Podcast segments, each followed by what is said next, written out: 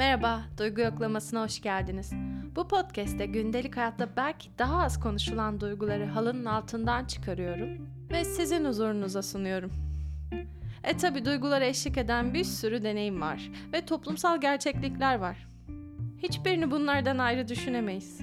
Hayata dair her ne varsa burada yoklanmakta. Demek isterdim. Belki de duygu yoklamasının ne olduğunu size anlatmak çok iyi olurdu. Ama sanırım bundan daha fazlası. En iyisi sizi direkt bölümlere davet edeyim. Hoş geldiniz.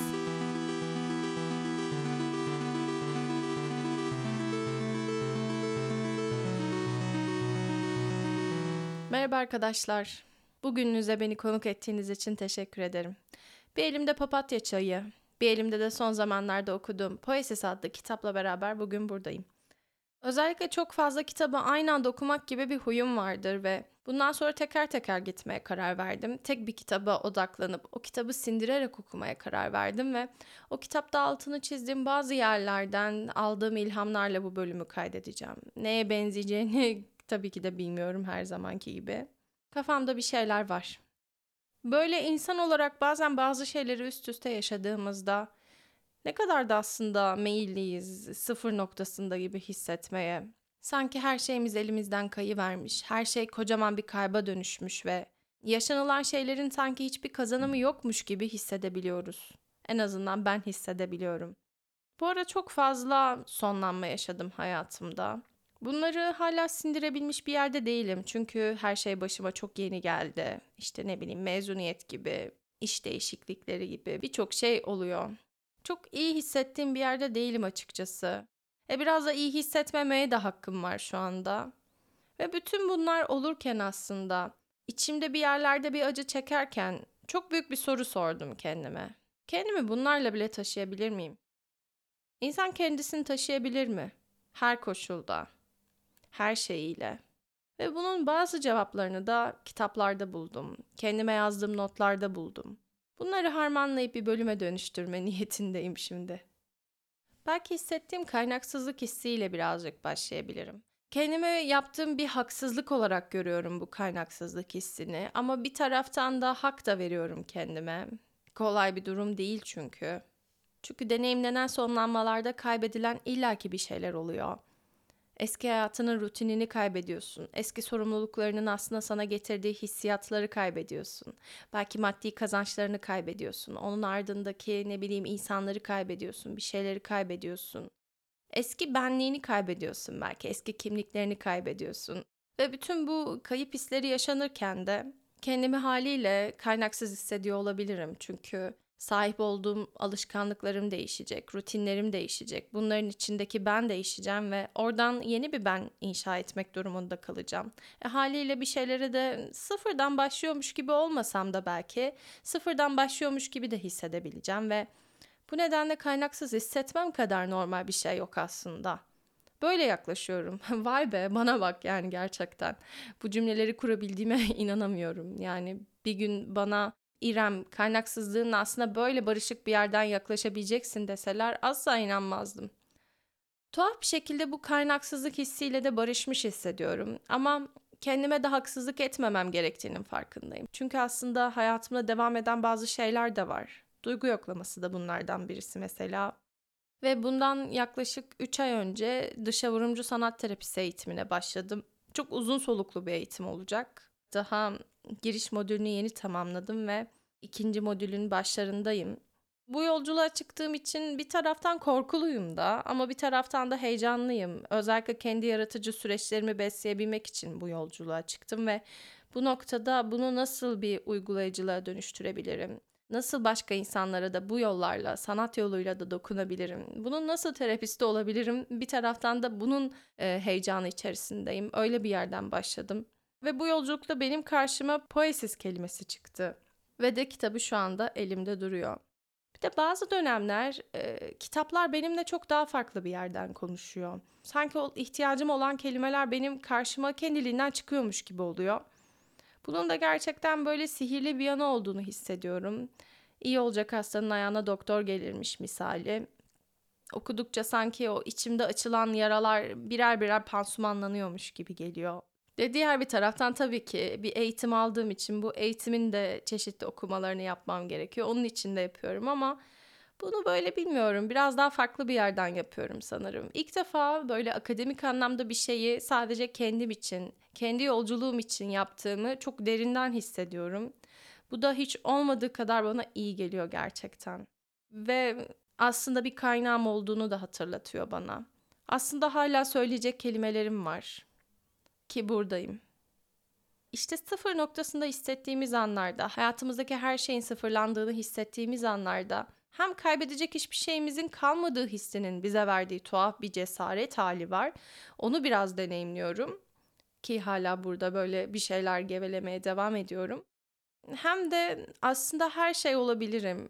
İstediğim her yöne gidebilirim hissiyatını çok derinden yaşıyorum. Tabii orada işin içine başka dışsal gerçeklikler de giriyor ama bu bölümde onlardan fazlasıyla bahsetmek istemiyorum. Sanki kendimle baş başa kalıyorum o noktada. Yani yani tamamen kendimleyim. Gitmek istediğim ya da istemediğim çeşitli yollar var ve kendime inanmak ya da inanmamak kalıyor geriye. Kendine inanabilmek gerçekten aslında ne kadar da zor bir şey. Özellikle kendine inanmadan büyüdüysen, kendine inanmak bir yerde suç sayıldıysa, bunu hep böyle öteleyerek, bastırarak yaşadıysan, bir noktadan sonra kendine inanmak durumunda kaldığında, yani suya böyle cüp diye atlayıp bir anda yüzmeyi öğrenmek durumunda kaldığında, yani zorluklardan geçiyorsun. Büyük zorluklardan geçiyorsun. Ama o derin suların içerisinde yüzmeyi öğreniyorsun. O derin sularda yüzmeyi öğrenmek aslında ne kadar da yorucuymuş. Bunun hep böyle bir güç belirtisi olduğunu söylerler. Güçlü bir insansan bunu yapabilirsin. Ama bundan yorulmaya da aslında hakkımız var. Bazen de suyu kademe kademe derinleştirerek, aşama aşama zorlaştırarak bir şeyler öğrenmeye ihtiyaç duyuyorsundur. Belki de o insanları delicesine kıskanıyorsundur. Sen neden onlar gibi yapamadın ki? Sen neden bir anda derin suya cup diye atlayarak öğrenmek zorunda kaldın ki yüzmeyi? Senin de mesela hakkın değil miydi çocuk havuzunda yüzmeyi öğrenmek? Gibi sorular geliyor aklıma bazen de. Ama şunu da fark ediyorum sonrasında. Bir şekilde kendini o derin suların içerisinde taşıyabiliyorum. Evet çok zor. Kendine inanmak da bazen çok zor. Ama taşıyorum kendimi. Taşıyabilirim. Bazen omuzlarım çok ağrıyor. Bazen yürüyecek bir adım daha dermanımın kalmadığını hissediyorum. Deneyip deneyip inşa ettiğim bütün kuleler her seferinde başıma yıkılıyor. Ama bir sonrakine geçebilmek için tuhaf bir şekilde kendimi taşıyorum. Bir şekilde devam edebilme kapasitem var. Bazen devam edemeyecek gibi hissetsek bile. Uyuduğumuz her gecenin bir şekilde bir sabahı var. Uyanmak istemesen de bir şekilde yarın oluyor. Hiç umudun kalmadığını hissetsen bile nefes almaya devam ediyorsun. Yatağında hareketsiz yatsan bile nefes aldığın için hareket ediyorsun aslında. Kendini bir sonraki saniyeye taşıyorsun. Kendini taşıyorsun işte böyle. Sadece nefes almak bile yeterliymiş. Bazen bunu fazlasıyla unutuyorum. Bunu hem burada kendime hem de görmediğim size hatırlatmak istedim. Ve bunu ifade ediş biçimlerimiz de varmış aslında birden farklı sanat gibi. Yaratıcılık ve sanat kelimelerini böyle kullandığımızda aklımıza ilk başta böyle bir sanat eseri üretmek, bir iş yapmak gibi şeyler geliyor ama aslında yaratıcılık sadece bir sanat eserini kendisini üretmekle de ilgili değil bence. Aslında yaratıcılığımızı sahip olduğumuz acıları aktarabilmek ve sağaltabilmek için kullanırmışız. Kendimize yeni yollar inşa etmek için bir şey yıkıldıysa bir başka yoldan gidebilmek için. Özellikle bunu son 3 aydır kolektif bir şekilde fazlasıyla deneyimliyoruz. Ben e, geçen hafta deprem bölgesindeydim. Hatay'da psikososyal destek çalışmasına katıldım gönüllü olarak. Ve orada tabii ki karşılaştığım manzara hiç ummadığım kadar farklıydı. Depremin gerçeğini gerçekten yüzünü çevirdiğin her yerde görebiliyordun. gerçekten çok büyük bir yıkım, çok zorlu bir süreç ve hala oradaki zorluklar fazlasıyla devam ediyor. Diğer bir taraftan da şunu gördüm ama. Tamam gerçekten şartlar hiç yeterli değil ve kesinlikle daha fazlasını hak ediyoruz. Daha iyileştirilmiş şartların var olması gerekiyor ama yoktan var edebilme kapasitemiz var. Ve bunu da aslında bir şekilde insan olarak yaratıcılığımıza borçluyuz. Aslında yaratıcı kapasitemiz bizi devam etmek için besliyor. Ama tabii ki işin diğer bir boyutları da var. Yani çok ince bir sınır. Ee, bu yaratıcılık yoktan var edebilme kapasitesi romantize edilebilir bir boyuta da sürüklenebilir ki bunun asla böyle bir şeye dönüşmesini istemem. O nedenle bu konuyu daha fazla derinleştirmeden asıl meseleye geri döneceğim. Devam edemeyeceğini zannettiğin noktada bir şekilde devam edebilecek bir gücü de kazanmış oluyorsun aslında. Kolumu kaldıramıyorum, yataktan hiç çıkmak istemiyorum diyebilmek bile aslında e, bir güç belirtisi. Uzaktan fazlasıyla güçsüzlük gibi görünebilir. Belki çok güçsüz hissettirebilir. Dünyanın en güçsüz insanı gibi hissettirebilir ama en güçsüz hissettiğimiz anlarda bile bu güçsüzlükle yüzleştiğimiz zaman ya da yüzleşemediğimiz zaman o gücü taşıyabiliyorsak bu da büyük bir güçtür aslında. Kendini taşıyabilme gücü. Her şeye, herkese, her koşula rağmen. Kendini bir saniye sonraya bile taşıyabiliyorsan hiçbir şey yapmana bile gerek yok. Gerçekten aslında insanların senden beklediği güçlü tanımına ihtiyacın yok. Sadece dur. Hiçbir şey yapma. O saniyeler zaten geçecek. Bilmiyorum ben neden böyle farklı bir dille konuşmaya başladığımı hissediyorum. Böyle cümleler kurmazdım pek ama galiba duygu bebek de kendi içerisinde değişmeye ve dönüşmeye devam ediyor. O nedenle içimden şu anda böyle dökülüyor ve bu cümleleri de izin veriyorum açıkçası. Zaten aynı kalmamı bekleyemem ki dünyadan. Biraz daha sıfır noktasına geri dönmek istiyorum. Ee, bu noktada çok yaptığım şeyler değil ama bir paragraf okumak istiyorum. Sanatçıların kendini bir ilham kaynağına açmaları, materyalin ruhunu hissedebilmek için boş veya fakir hale gelmeleri gerekir. Ancak boş veya ölü olduklarında kendilerine sunulanlar için alan bulabilir. Yeni ve yenilenmiş hayata geçebilirler. Gerçekten bir taraftan da aslında bir şeyleri sıfırlamadan bir yenisine başlamamız mümkün değildir kim bilir. Ancak o noktada gerçekten şu hataya düşmemek lazım. Terapistimin bana söylediği cümleleri şimdi size satacağım. Kaybettiğimiz şeyleri sadece kaybetmiyoruz. Onlardan bir şey de alıp gönderiyoruz aslında hayatımızdan. Bu bir derece olabilir, bir deneyim olabilir. Hiçbir aslında hayatımızdan öylece kayıp gitmiyorlar. Bir şeyler kazandırıp da gidiyorlar.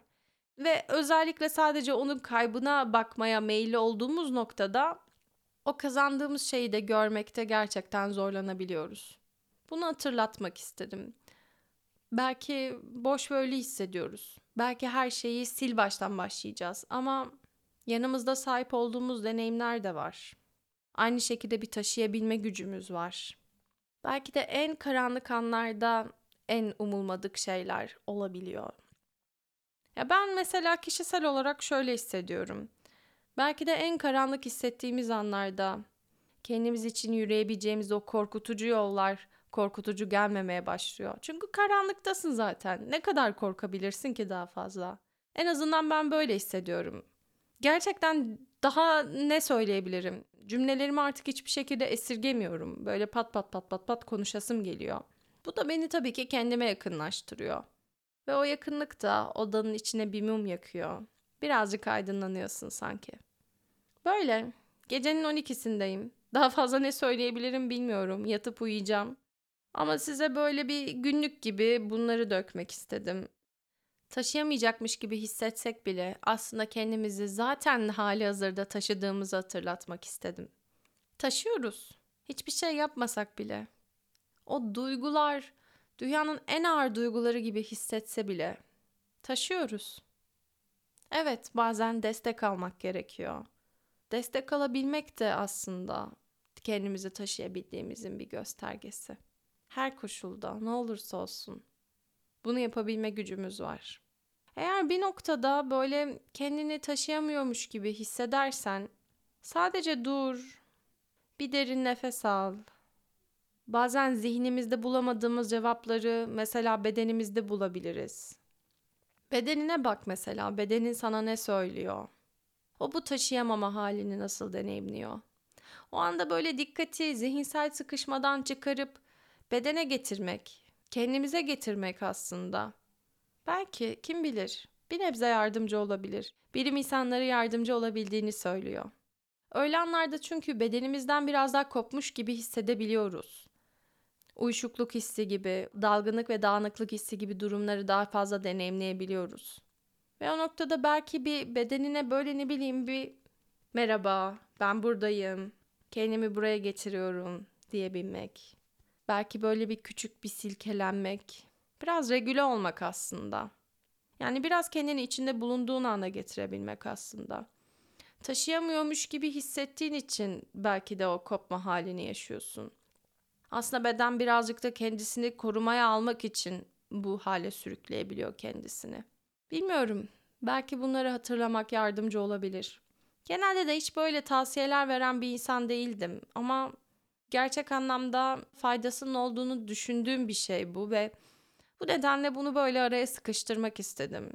Daha fazla da lafı uzatmadan şimdi buradan çekip gideceğim. Öyleyse kendinizi taşıyabildiğinizi her daim hatırlamanız dileğiyle. Sizi seviyor. Bay bay.